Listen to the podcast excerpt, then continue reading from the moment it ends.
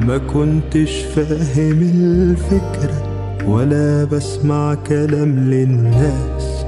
داخلها بصدري مش عارف أهي أيام دايس وخلاص ما كنتش حاسب الخطوة ولا إن الدنيا شايلة آلام. وبنقص كل يوم حتة غريبة قسوة الأيام.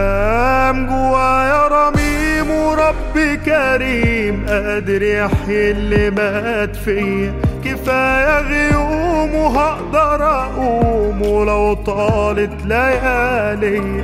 جوايا رميم ورب كريم قادر يحيي اللي مات فيا كفاية غيوم وهقدر أقوم ولو طالت ليالي. جميلة جدا نية الإصلاح والرغبة إن الواحد يطمن على الناس ويشوفهم بيتصرفوا صح. النية دي موجودة جوه الناس المحترمة اللي متربية اللي قلوبها كلها رحمة. يفرح لو شاف الناس بخير ويغضب ويصطدم ويوعظ لو شاف حد بيتصرف غلط. الناس دي وجودها في وسطنا حماية الأخلاق وقيم كتير. لكن الإشكالية إن هو كمان بيزعل كتير لأنه مش قادر يتصالح مع طبيعة البشر. اللي بيغلطوا ما توفر لهمش نفس التعليم اللي اتعلموا ونفس القيم اللي اتربى عليها وعايشين بيحاولوا وربهم صابر عليهم. نيته جميلة لكنه محتاج إنه يكمل في عملية الإصلاح والتربية والوعظ والتغيير لكن وهو متصالح مع الواقعية.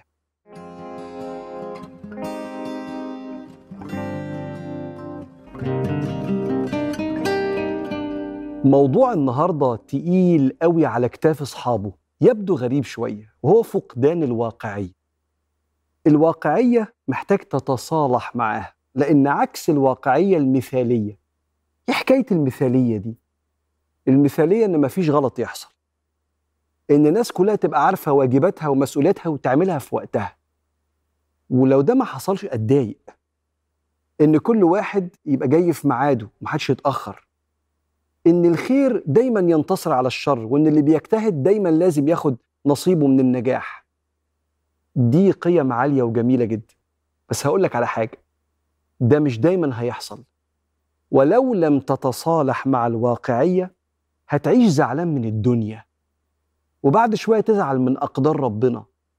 واصلا أنت زعلان من البشر اللي ما عندهمش أخلاق وزعلان من عدم احترامهم وعدم التزامهم وكل ده جواك عمال يزعلك لوحدك والناس مش هتتغير.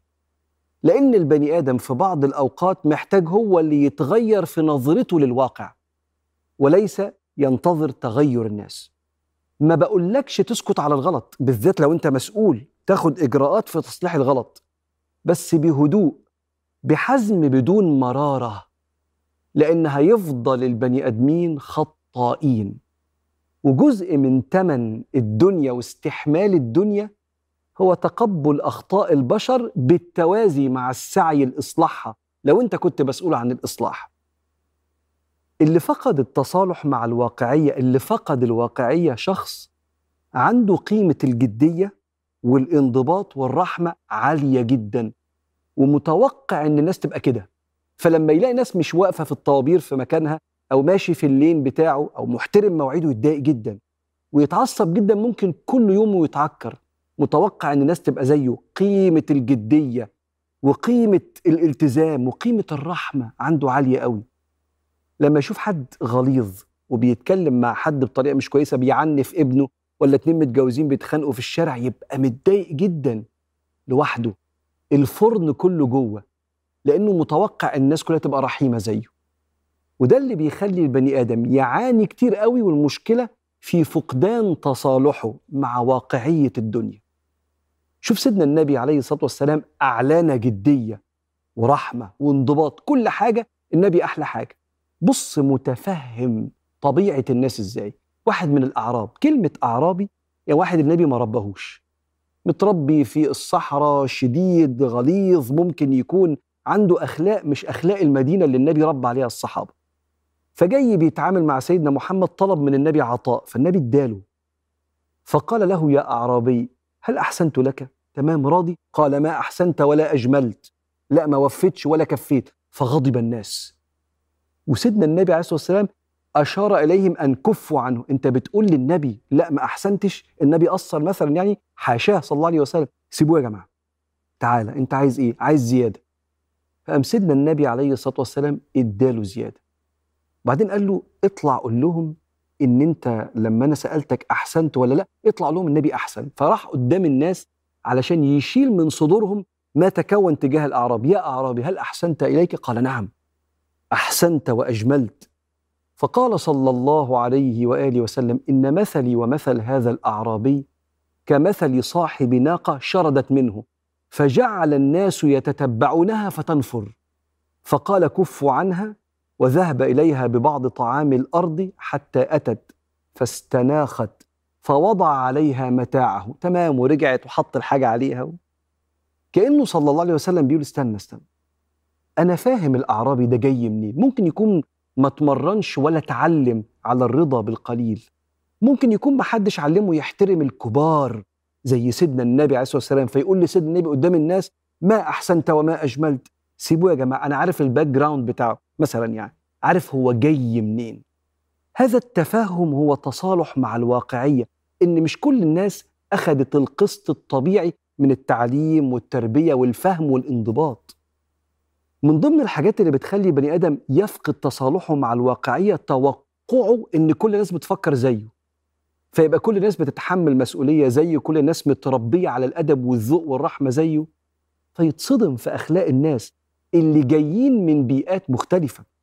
تصرفات الناس طالعة من الطبع الجينات والطبيعة طريقة التربية والإرادة. إرادتهم في تغيير أخلاقهم.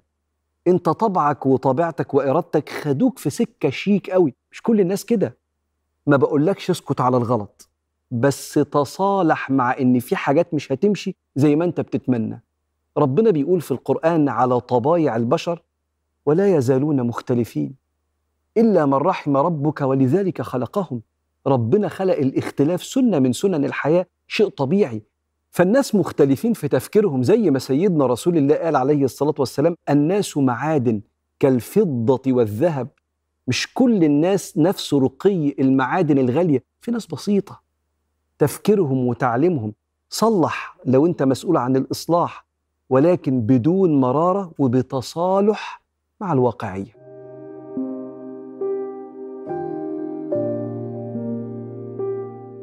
لو الإنسان فقد الواقعية وكان طالب المثالية من كل اللي حواليه هيعيش وفي أثقال على كتافه مخلية الحياة صعبة هيعاني من خسائر كتيرة. أولها إنه هيخسر ناس طبيعيين جدا مش معصومين بيغلطوا مش مثاليين. هو نفسه في المثالية ونفسه محدش يزعل حد ولا حد يتكلم على حد في ظهره وده مش واقع. كله ابن آدم خطاء. علشان كده سيدنا النبي عليه الصلاة والسلام اتكلم على الشخص الصدامي اللي دايما متضايق ودايما بينصح ودايما بيصطدم وقال إن شر الرعاة الحطمة. يقصد النبي مثل راعي الغنم لما الغنمة تشرد منه ما هي غنمة. أكيد بتجري شافت حتة زرع عايزة تاكلها. يقوم جايب الغنمة وخابطها في الأرض يكسرها. فطالع بعشرين غنمة راجع بعشرة ليه؟ موت بعصايته ولا بإيديه كل غنمة شردت. فانت في ناس هتشرد بأخلاقها. فمش كل واحد ما ينضبطش معاك في موعد أو يتأخر عليك في وعد. تخسره. البشر مختلفين. نبه على اللي بيؤلمك مع توقع الخطأ من البشر. الخسارة التانية اللي بيعيش بيها هو حمل إحساس المرارة تجاه البشر. وإن الأرض بالناس اللي فيها مكان غير آمن. سموها عقلية الندرة مش عقلية الوفرة. أنا مش مبسوط عموما. مفيش حاجة حصلت النهارده مخصوص بس في تراكم لإحساس المرارة كده من كتر الأخطاء اللي بشوفها. سيدنا أبو الدرداء أحد الناس عصى فبدأت الناس تلعنه. فقال لهم لو كان سقط في قليب يعني لو وقع في بير أكنتم مستخرجيه؟ قالوا نعم. قال اذا لا تلعنوه. واحمدوا الله الذي عافاكم وسلوا الله له, العافية. اللي يقع في البير بتقعدوا تشتموه إنه وقع ولا بتطلعوه؟ هو وقع في معصية. احمدوا ربنا إن ربنا عافاكم وساعدوه إن هو يطلع من اللي هو فيه. فقالوا أفلا نبغضه لأنه بيعصي لأنه بيغلط؟ قال لا ولكن ابغضوا عمله. كأنه بيقول طبيعي إن البشر يغلط. فمش كل واحد يغلط ويأثر بدعوى المثالية وانعدام الواقعية. أكرهه وما اشعرش بالأمان معاه. الخسارة الكبيرة للي فقد الواقعية ودايما بيدور على المثالية في الأحداث والأشخاص بيفقد حكمة القيادة بالذات لو أب ولا أم. حكمة القيادة في تقبله الأخطاء ولاده وتقبله الأخطاء أصحاب ولاده وتقبله الأخطاء المدرسين اللي في مدرسة ولاده. ودايما الصدام بيبقى بسبب الإحباط حالة إحباط ضفين كده بيخلي اللي مسؤول عن الإصلاح إصلاح الأخطاء دي مثلا في تربية عياله خليه مندفع وصدامي. ففي الآخر يبقى الناس بتجنبه مش عايزة تحكي له حاجة لأنه كتير بيتصرف بمرارة. لما كان سيدنا النبي عليه الصلاة والسلام بيتكلم عن بعض الصفات الغير مرغوب فيها في البشر قال الذين لا يقيلون عثره ولا يقبلون معذره ولا يغفرون ذنبا. هو مش متفهم إن ابنه في سن معين مندفع وعنده شهوات كتيرة وعنده حاجات عايز يجربها وبنته في سن حرية وعايزة تنطلق فهو بيربي بيربي بطريقة بتبعد العيال عنه لعدم تفهمه لطبيعة المرحلة السنية بسبب بحثه عن المثالية وانعدام الواقعية عنده. فكل ما البني آدم يتفهم كل ما يستريح ويعرف يسوق وكل ما يصطدم بسبب انعدام الواقعية كل ما الناس تجنبه وتمثل قدامه.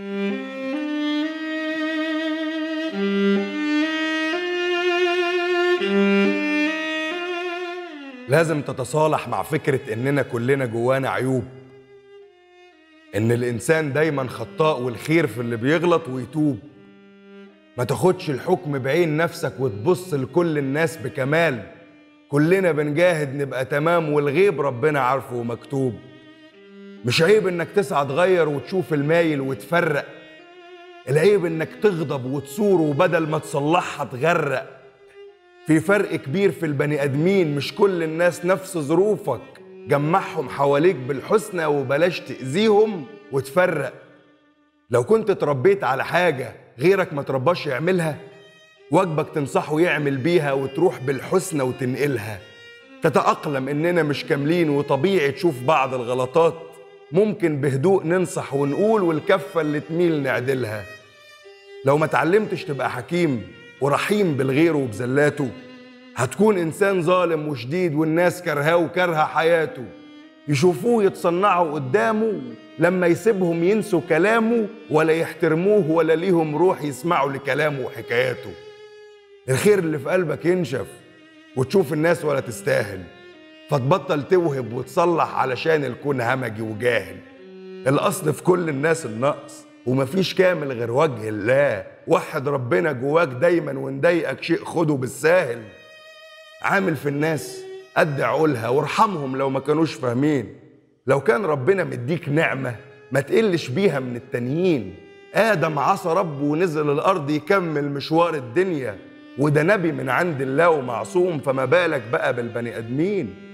اهدى وارحم جهل إخواتك. كلنا عندنا غلطات فينا. المثالية مش في الإنسان ربنا بالستر مغطينا. هتلاقي الصالح والطالح والخير والشر ودي الدنيا. الأنفع توعظ بالحسنى ذلك أجمل خلقا وأصلح دينا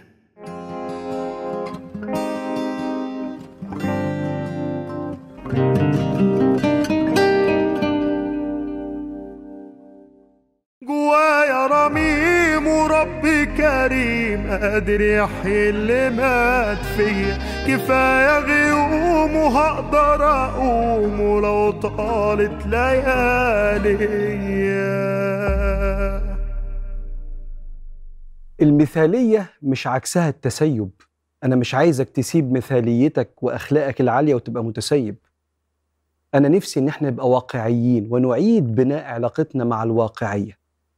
عشان تعيد هذا البناء في قلبك يستريح كده أول حاجة محتاج إنك أنت ترضى بقضاء الله في تنوع أصناف معادن الخلق. أيوه النبي قال كده عليه الصلاة والسلام الناس معادن كالذهب والفضة الناس مش زي بعض.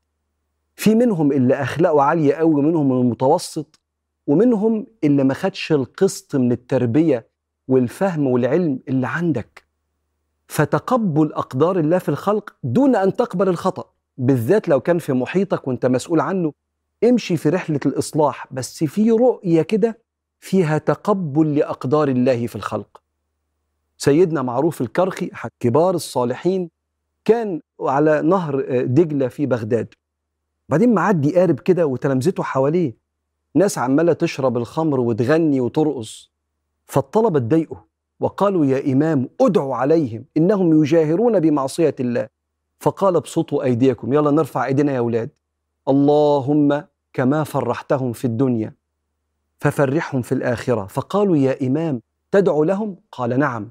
كان النبي صلى الله عليه وسلم إذا طلب منه أحد أن يدعو على أحد عدل بالدعاء إليه. يعني بدل ما يدعي عليه دعا له. وكان سيدنا النبي عليه الصلاة والسلام لما أصيب في غزوة أحد الصحابة قالوا له ادعي على المشركين قال لم أبعث لعانا إنما أنا رحمة. اللهم اغفر لقومي فإنهم لا يعلمون. وبعدين قال لهم معروف الكرخي فوالله لن يفرحهم الله في الآخرة إلا إذا تاب عليهم في الدنيا.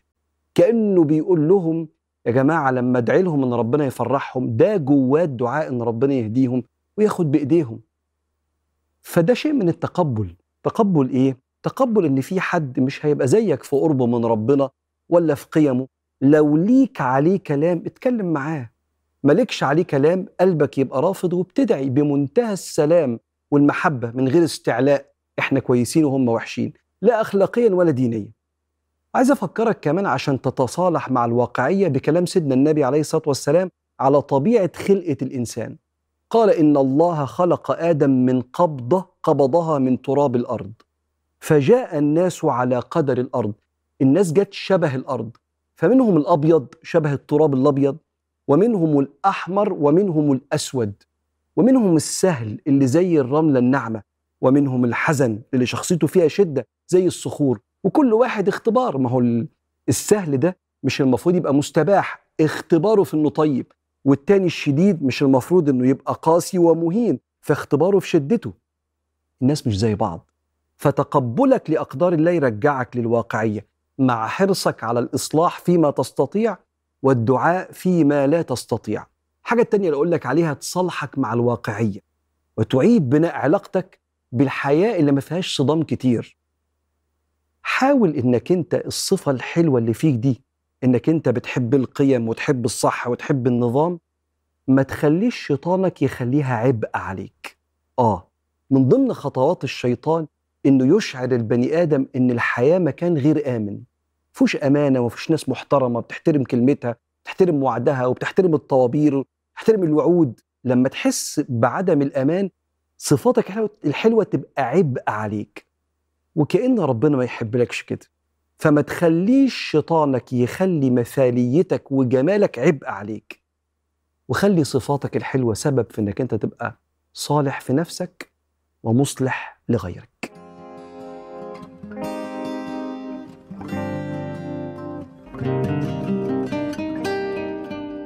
يا إلهي وخالقي لك الحمد ملء السماوات وملء الأرض وملء ما بينهما وملء ما شئت من شيء بعد. أهل الثناء والمجد أحق ما قال العبد وكلنا لك عبد. اللهم لا مانع لما أعطيت ولا معطي لما منعت ولا ينفع ذا الجد منك الجد. اللهم أنزل علينا السكينة والاطمئنان واشملنا بأسباب الأمان. يا كريم يا حنان. اللهم إليك نتضرع ومن خوفنا إليك نفزع. يا مالك الأرض والسماء. ويا من يجود على عبيده بوافر العطاء.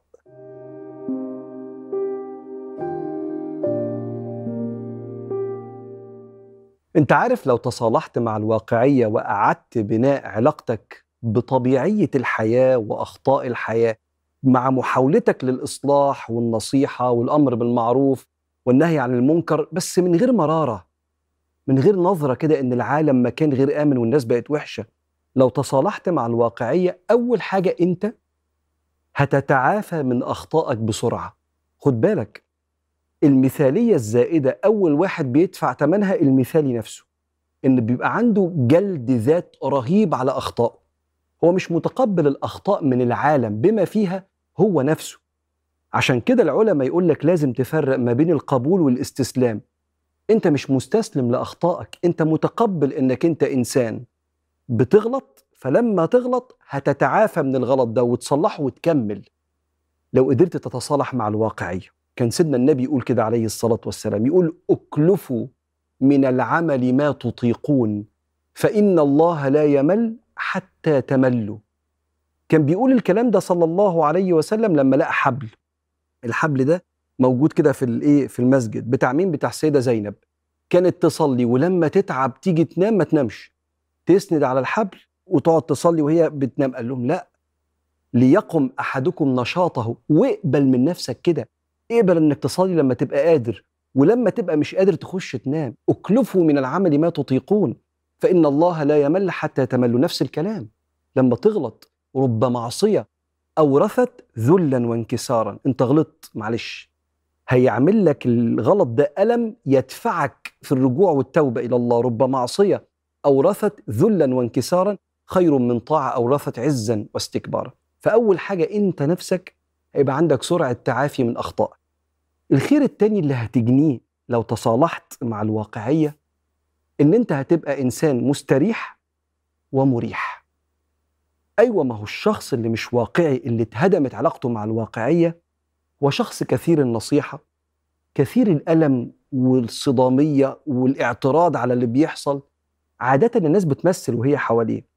آخر خير هتجنيه هو حالة حسن ظن وسلام في القلب تجاه الناس. أنت مش زعلان من حد. انت بتشوف الانسان المحسن المجتهد المنتظم اللي كلمته هو قد كلمته اللي بيحترم النظام في الشارع بتشوفه انسان متحضر وجميل وتتعلم منه. وتشوف اللي مش ماشي صح قوي معلش. لو زي ما قلت لك ليك كلمة عليها تقولها. ما قلتش بتدعي له بس هنا في سلام. سلام ما فيهوش أي وجع ولا غل ولا نية للصدامية ولا أي مرارة. السلام ده أنت محتاجه وده جزء من سلامة القلب اللي المفروض نحافظ عليها عشان نروح لربنا يوم القيامة بقلب سليم. الراجل سيدنا الطفيل بن عمرو الدوسي راح دعا الناس إلى الله في قبيلته ما أسلموش. فرجع لسيدنا النبي قال يا رسول الله إن دوسا عصت وأبت فادعوا الله عليهم. فقال صلى الله عليه وسلم اللهم اهد دوسا وأت بهم. آه ما في ناس ممكن يبقى عندها عند ومعاصي وما تستسلمش لربنا بسهولة. يا رب خد بإيديهم يا رب. على فكرة دوس دول جم بعدها بسنين سفن جاية للمدينة فيها عشرات بل مئات المسلمين. على رأسهم عبد الرحمن ابن صخر الدوسي اللي هو سيدنا أبو هريرة. ببركة دعوة سيدنا النبي اللي اتحققت بعد سنين. فأنت هتعيش في سلام لو قدرت ترمم وتعيد بناء علاقتك بالواقعية. وسط الكسرة والدنيا. بكون ظالم واكون مظلوم. وحلمي يضيق كده في ثانية وكله بيرمي فيا هموم. وأنا مش قابل إني أضيع في احزاني ونفسي أبيع. هداوي جراحي مهما تكون ولا اكسر في قلبي واهون جوايا رميم وربي كريم قادر يحيي اللي مات فيا. كفاية غيوم وهقدر أقوم ولو طالت ليالي. جوايا رميم وربي كريم قادر يحيي اللي مات فيا كفاية غيوم وهقدر أقوم ولو طالت ليالي. ولا املم نفسي بالوحدة تكون روحي خلاص أهدى.